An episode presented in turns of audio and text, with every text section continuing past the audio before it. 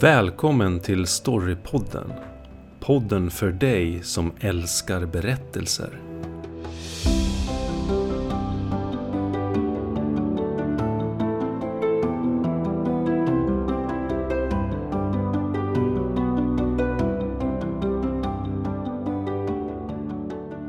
Idag ska vi prata om streamingtjänster och eh, hur de har påverkat berättandet och kommer att förmodligen påverkar berättandet som vi ser det. Jajamensan. Och eh, idag är det här med streamingtjänsterna en jätte, jättestor del av vårt tittande och vårt berättande. Och väldigt mycket har att göra med ett eh, jättestort medieföretag eh, som är dominant på den här marknaden och det är Netflix. Eh, och det är många av oss som är abonnenter och prenumererar på deras tjänster idag. Från början faktiskt ett amerikanskt företag som var en DVD-uthyrare men som kände väl vad vindarna blåste åt och ställde om. Och började med strömmade eh, filmer och TV-serier. Det kom till eh, Norden för nästan tio år sedan nu faktiskt. Tiden går. Och har liksom förändrat väldigt mycket av vårt tv-tittande. Idag är det ju hundratals miljoner som är prenumeranter på Netflix tjänster och det finns också väldigt många andra bolag som inhemska. Eh, självklart SVT och Viaplay och det finns Disney och Amazon. Och många andra sådana här företag som har börjat med mer strömmande eh, tv och eh, filmupplevelser. Eh, och utvecklingen kommer säkert att fortgå mer och mer och eh, det här med det gamla tablåtittandet är ju på väg att liksom sakta men säkert väldigt mycket eh, minimeras. Så vi ska prata lite mer nu om hur det här med strömmade film och tv-upplevelser har påverkat berättandet. Men du Rickard, du som var med på istiden där, långt innan Netflix drog igång. Hur, hur var tv-tittandet och filmtittandet förr i tiden? ja, men spänn fast dig nu Olof, för nu ska du få höra. jo, nej, jag är uppvuxen då på 70-talet där vi hade bara två kanaler, ettan och tvåan. Och eh, på något sätt var det ju eh, att alla såg samma saker i stort sett. Och alla pratade om samma sorts tv-serie då som hade gått kvällen innan, dagen efter. Och, så att det var ju mer en gemensam, eh, nästan folkbildande tv som man hade på den tiden. Och eh, det var ju, liksom, vad ska man säga, det var ju mer sammanhållet allting. Idag är allting mer splittrat, det finns mycket mer nischer och allting. Alla har sina specialintressen och så, men, men eh, då var det ju inte riktigt så. Ville man hitta något nischat så var man ju... Jag vet inte. Det, det fanns inte samma kanaler helt enkelt. Men... Eh, det var ju det. Och man satt ju och väntade på tv-serier då. Liksom, torsdag klockan 18.30 började någonting. Eller lördag klockan 21 liksom. Och då satt man och väntade en vecka till nästa avsnitt. Så här. Och då fick man ställa klockan, så fick man kuta till tvn. Så var man tvungen att in, liksom, komma ihåg att gå på toa innan liksom, filmen börjar. Och sånt där. Idag är det ju helt annorlunda. Och man ser att stream, streamingtjänsterna börjar ta över mer och mer liksom, och vinner mark verkligen. Så. Vi kommer in på det lite senare. Men eh, ja, det är en väldigt stor eh, eh, utveckling idag. Verkligen, och jag kommer ju också ihåg sådana saker också. Jag är född på 80-talet och att man fick sitta och vänta på det här. Och sen kanske man hade en videoapparat som man ställde in så att man kunde spela in då eh, på videoband, ett speciellt program då om man inte kunde se det. Men jag kommer också ihåg väldigt många upplevelser av, av att det sket sig med den här videobandspelaren och att eh, man hade ställt in det på fel tid eller vad det nu var liksom. Så att vart man ju tokig sen när man skulle spela upp det där inspelade och såg att det var, vet, man hade missat kanal så det var något helt annat program. Ja, liksom. ja. Det där minns jag. Jag hade följt en serie och så, och så var det sista avsnittet och jag var tvungen att dra iväg någonstans. Jag kommer inte ihåg vad det var. Och bara, försökte få morsan att lära sig att spela in på den här gamla VHSen vi hade, du vet. Så en riktigt stor apparat liksom. Sån här lucka som åkte upp, du vet. och hon fick aldrig till det. Jag bara, du måste spela in det här. Det är jätteviktigt, jag måste se sista avsnittet. Va? Och hon misslyckades helt. Men så hade hon börjat säga, ja men jag har skrivit, jag har skrivit stolpar istället va. Hon hade tagit anteckningar? Ja, hon hade tagit anteckningar. Och jag bara, fuck that shit va. Jag tänker inte läsa några anteckningar. Ja, underbart. Så det var, det var liksom, det var den tiden där. Ja.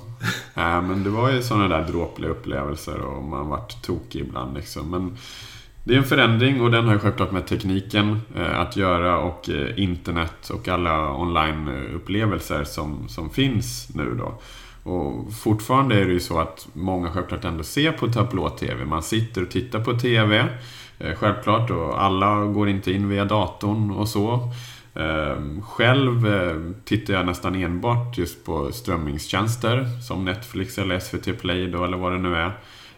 Sport sportevenemang dock, när det är liksom direkt som fotboll eller något liknande, eller det är också så Melodifestivalen eller vad det är. Då brukar jag ju se på liksom tablå-tv, men annars, ehm, ja.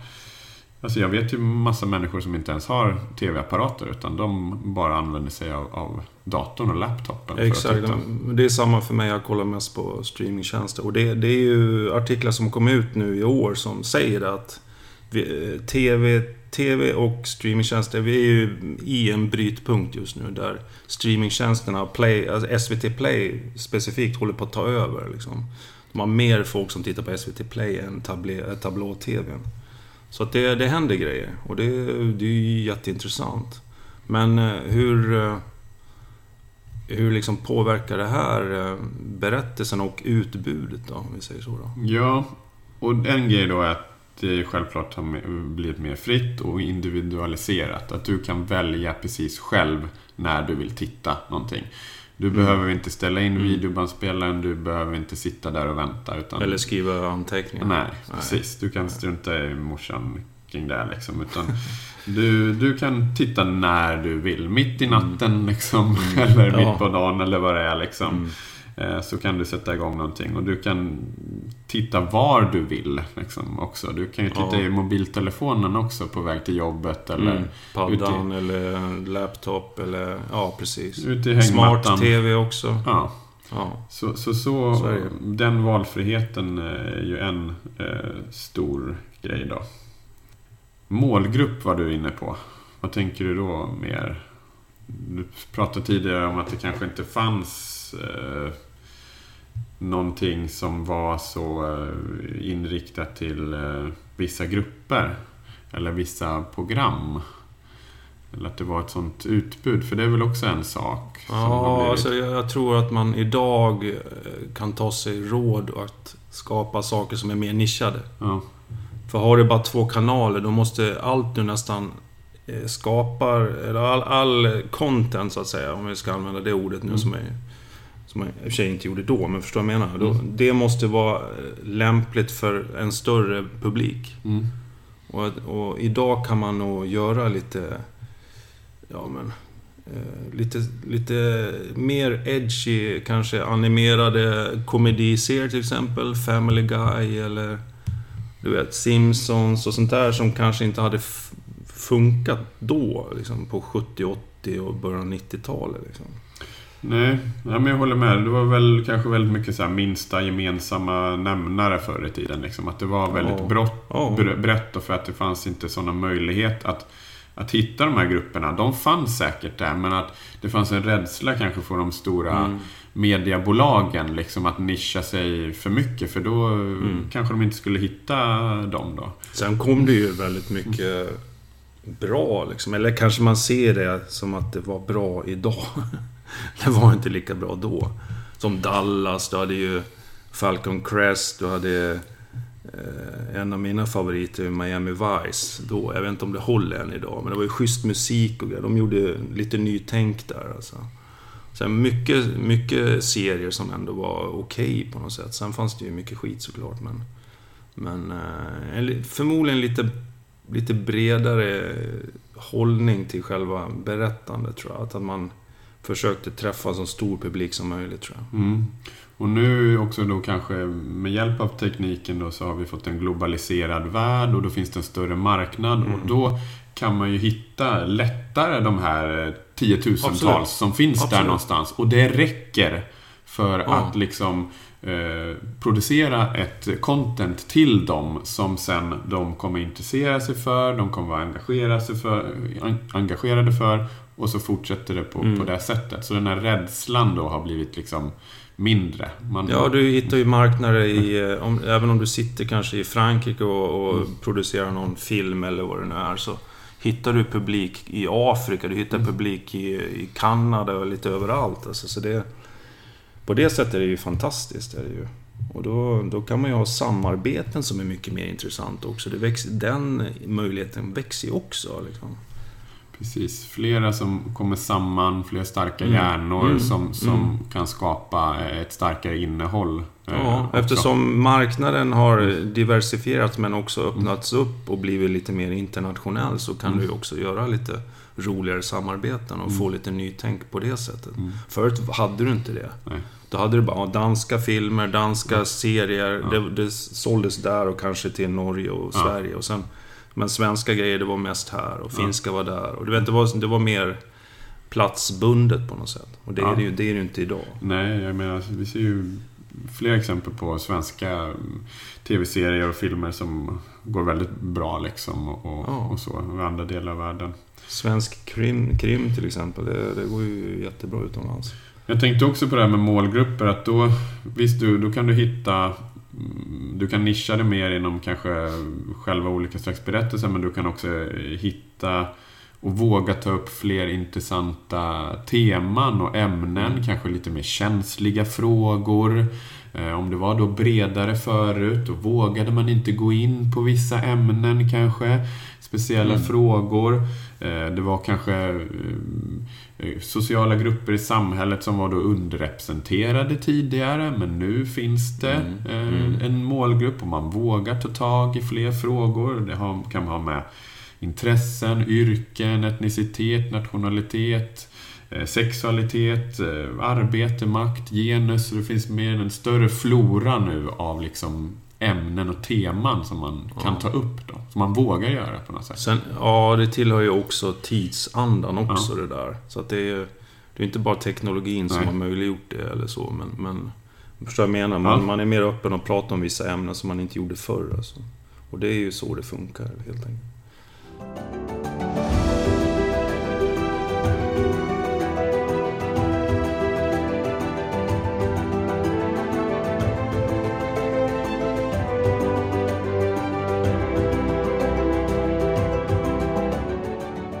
Ja, vad, vad, vad, får det mer att göra för, för just eh, berättelserna? Liksom, eh, dramaturgin, karaktärer, eh, hur man berättar en berättelse.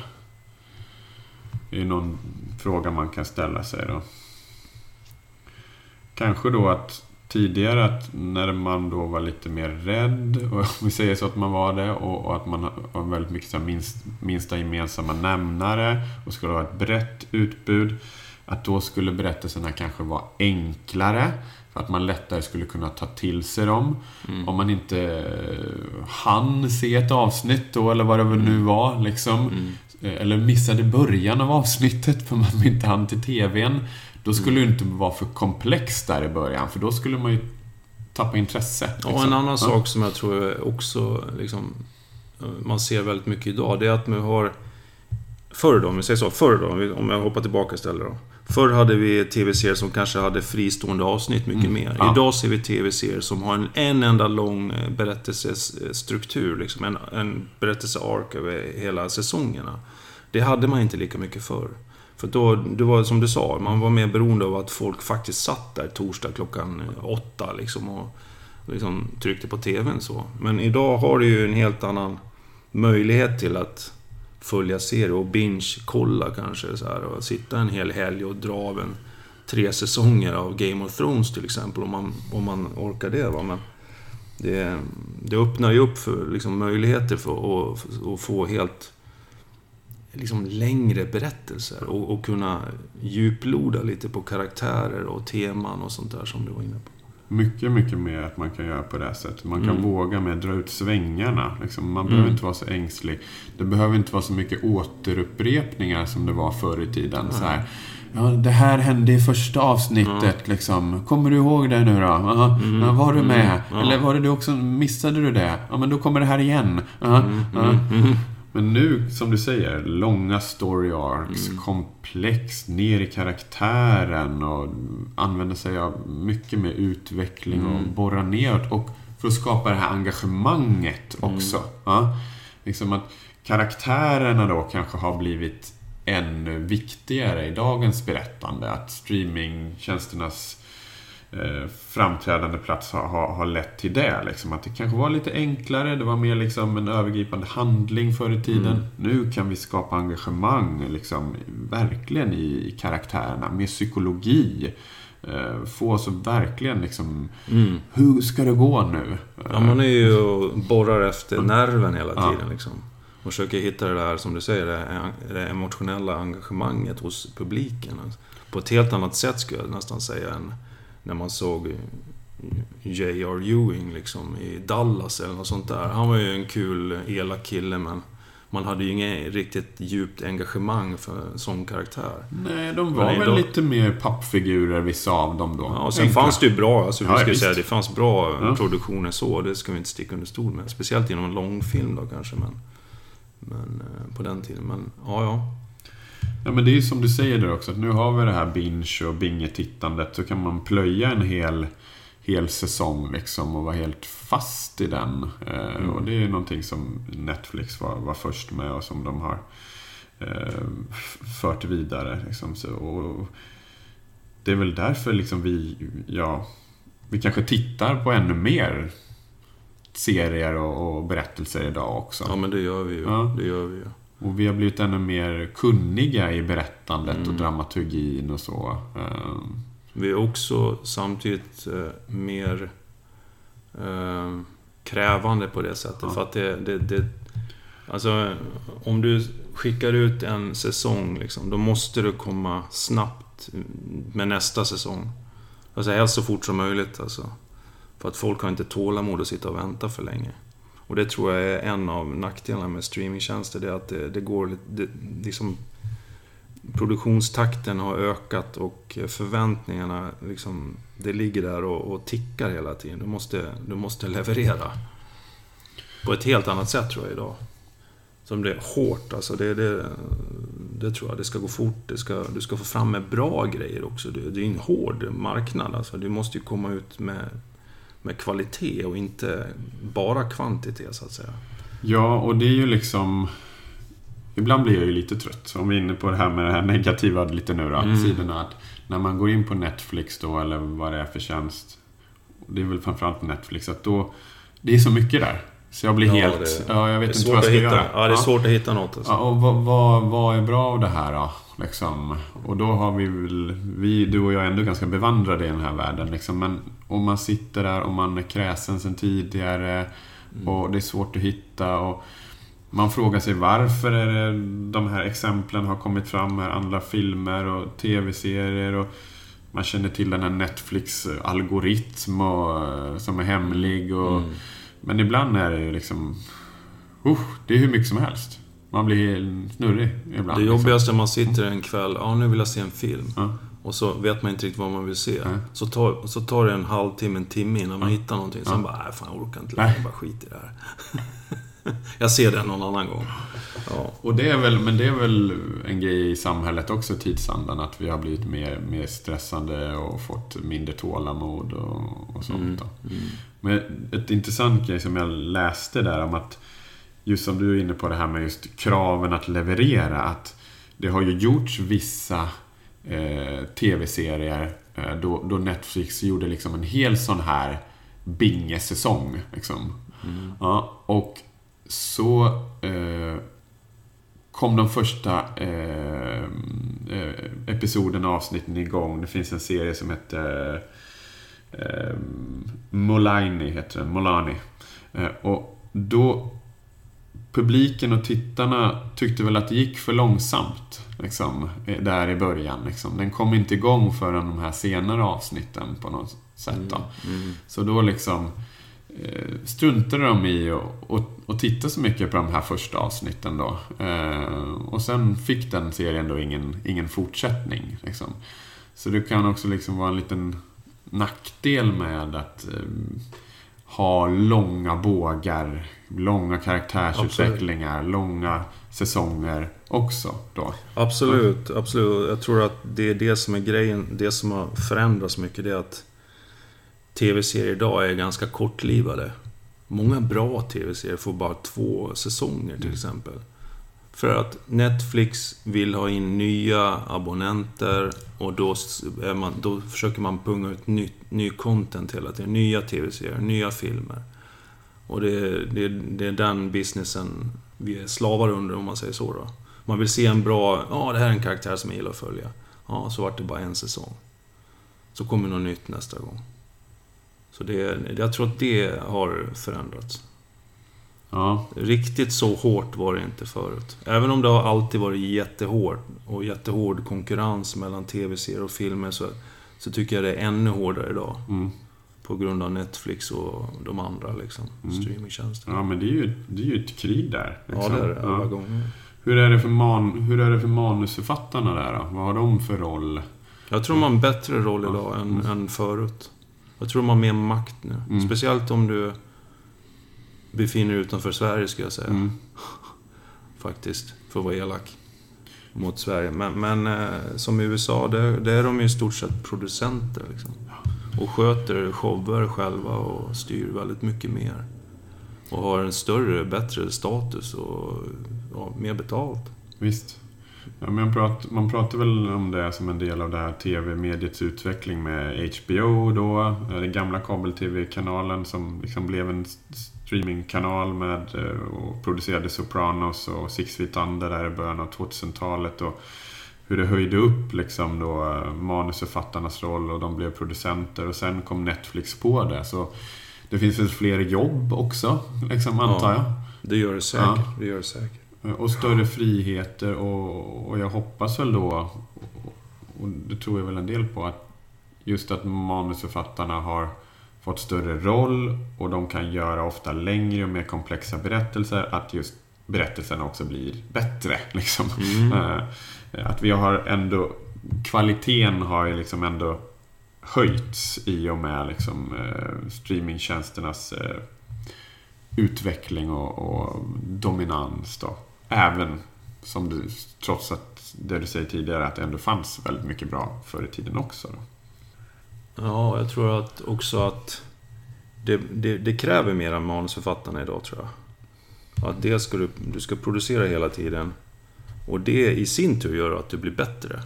För att du är i den här konkurrenssituationen hela tiden och då måste du, då, du måste fan skärpa dig liksom. Du måste göra ditt bästa hela tiden. Och det gör att man blir bra till slut.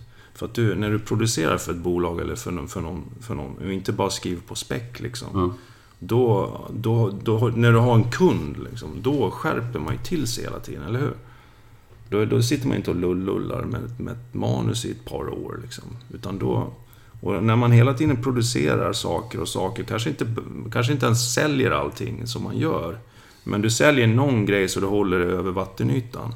Då blir du duktigare och duktigare och duktigare. Och då blir konkurrensen hårdare och hårdare. Men vi får också bättre och bättre författare. Vi får också bättre och bättre stories hela tiden.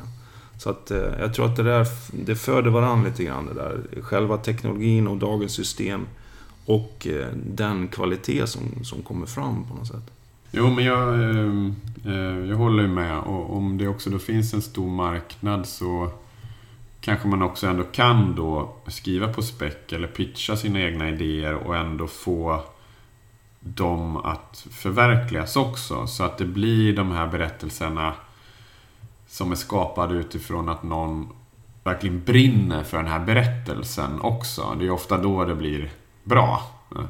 Självklart kan det bli bra också på andra sätt men eh, man kanske också kan få en ny utveckling i mer Eh, fler nya slags berättelser då i den här konkurrenssituationen och frihetssituationen också på något sätt. Att man vågar ta, ta steget till, eh, till att göra någonting som ingen annan eh, har gjort. Eller ta ett steg till. Liksom. Mm, mm. Eh, och det kan leda till bra Jo, man Bra utmanar varandra hela tiden. Mm.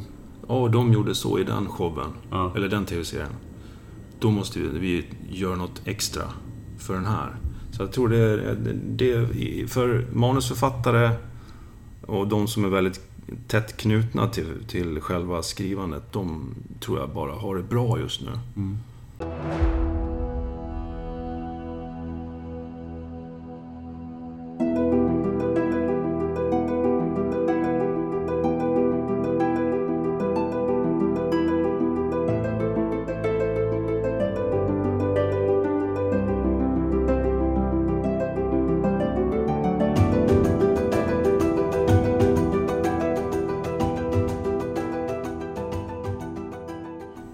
Prata lite mer om manusförfattarna eh, eh, och manusförfattarrollen i senare avsnitt. Men tänkte också på det här som du är inne på, det här med liksom hur man skapar engagemang och bra serier. Liksom Netflix har, de har pratat utåt väldigt mycket. Vi vill skapa engagemang hos, hos eh, tittarna. Ehm, och då har man ju testat lite det här med interaktion också i, i ehm, olika serier. Ehm, det ska vi också prata lite mer om i andra avsnitt, men det, det finns till exempel en, en, en film som härrör från en serieupplaga, tv-serieupplaga som heter Black Mirror och filmen heter Bandersnatch också. Där jobbar man med att Ehm, tittarna får, får, eh, kan få välja hur det skulle gå i den här filmen. Och de har testat den varianten också i, i, när det gäller andra tv-serier. Liksom att tittarna ska få tycka till. Ska karaktären göra så? Eller ska den göra så? Eller ska gå handlingen ska gå ditåt? Och ska handlingen gå ditåt? Och det vet jag också att de utåt sett och Netflix har sagt att de vill utveckla mer och mer då. Liksom. Men hur funkar det? Fick de liksom så här två, tre, fyra alternativ att Ja, de- välja mellan? De fick gå in på nätet då och liksom tycka till om det. Och det finns också flera andra tv-serier.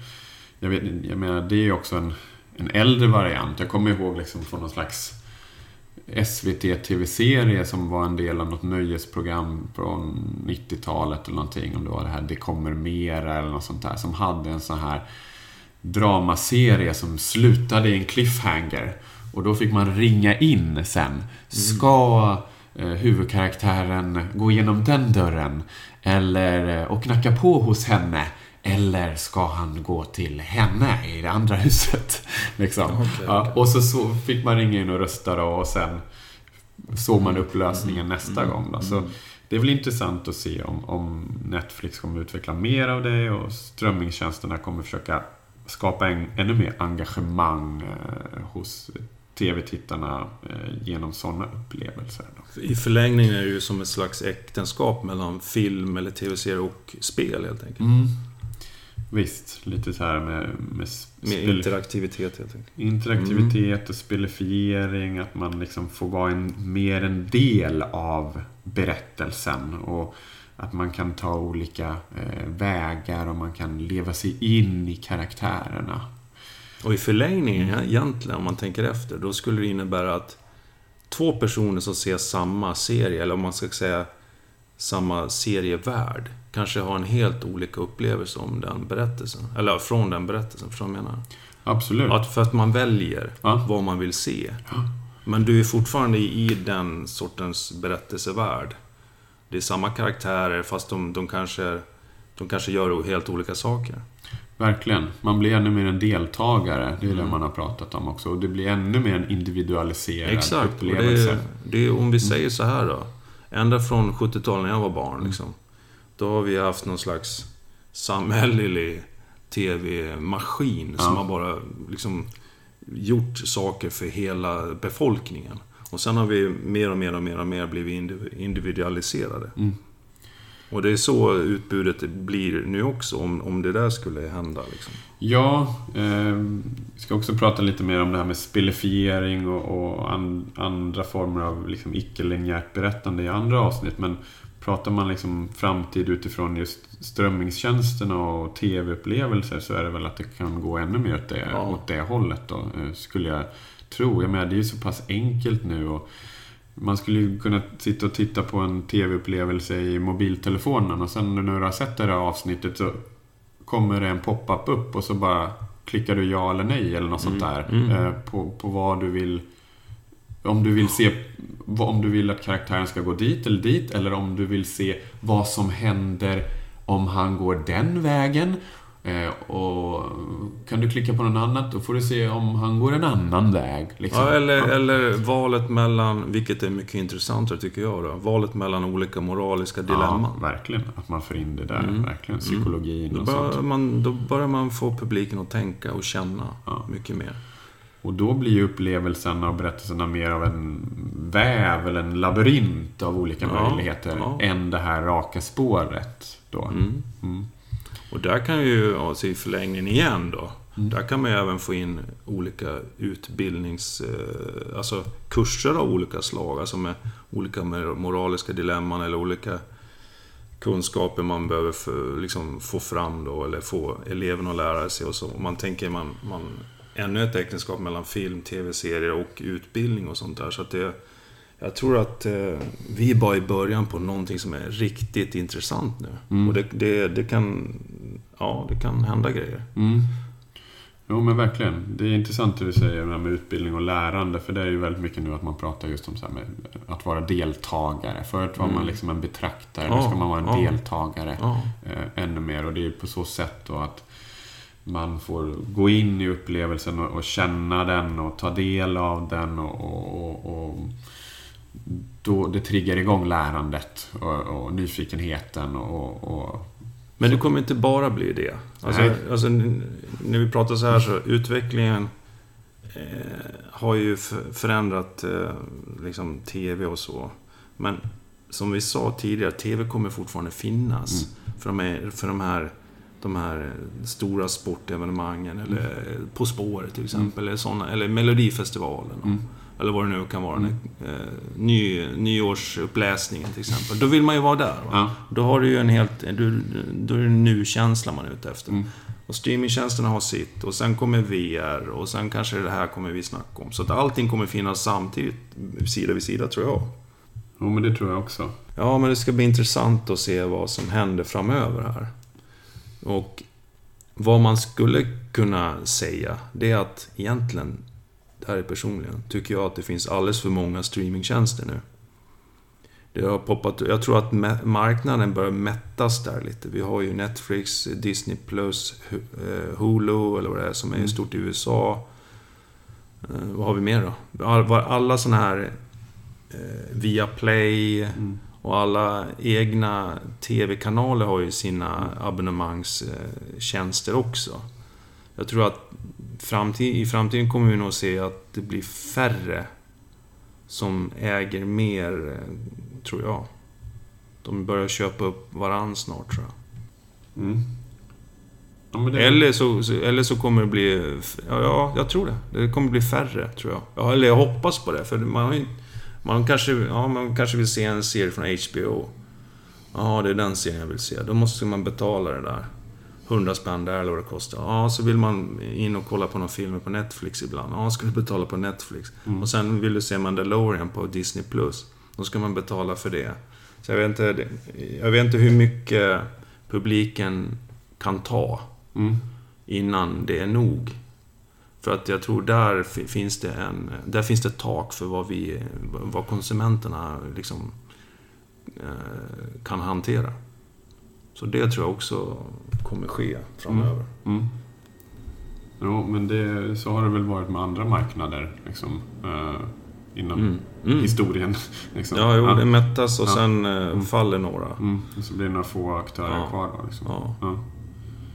Ja. så då kom kommer vi lite mot slutet av det här eh, avsnittet då om streamingtjänsterna och dess påverkan. Och, och vi är ju mitt inne i det här skedet så det är ju också lite svårt att tolka allting. Eh, men det har ju blivit en mycket mer individualiserad upplevelse som vi har varit inne på det. Om vi ska sammanfatta. Manusförfattarnas roll har kanske stärkts. Starkare berättelser, djupare berättelser, längre berättelser. Eh, man har försökt skapa ett ännu starkare engagemang hos publik och tittare. Eh, mer djup i karaktären, eh, interaktion är någonting som man börjat jobba ännu mer med.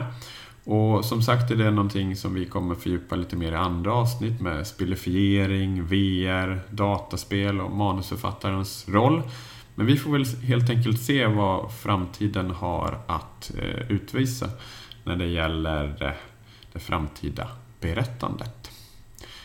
Så vi får tacka där lite för oss och tack för visat intresse. Så hör, hörs vi snart igen. Ha det, det bra. vi. Ha det, ha det. Hej då. Hej. Hej.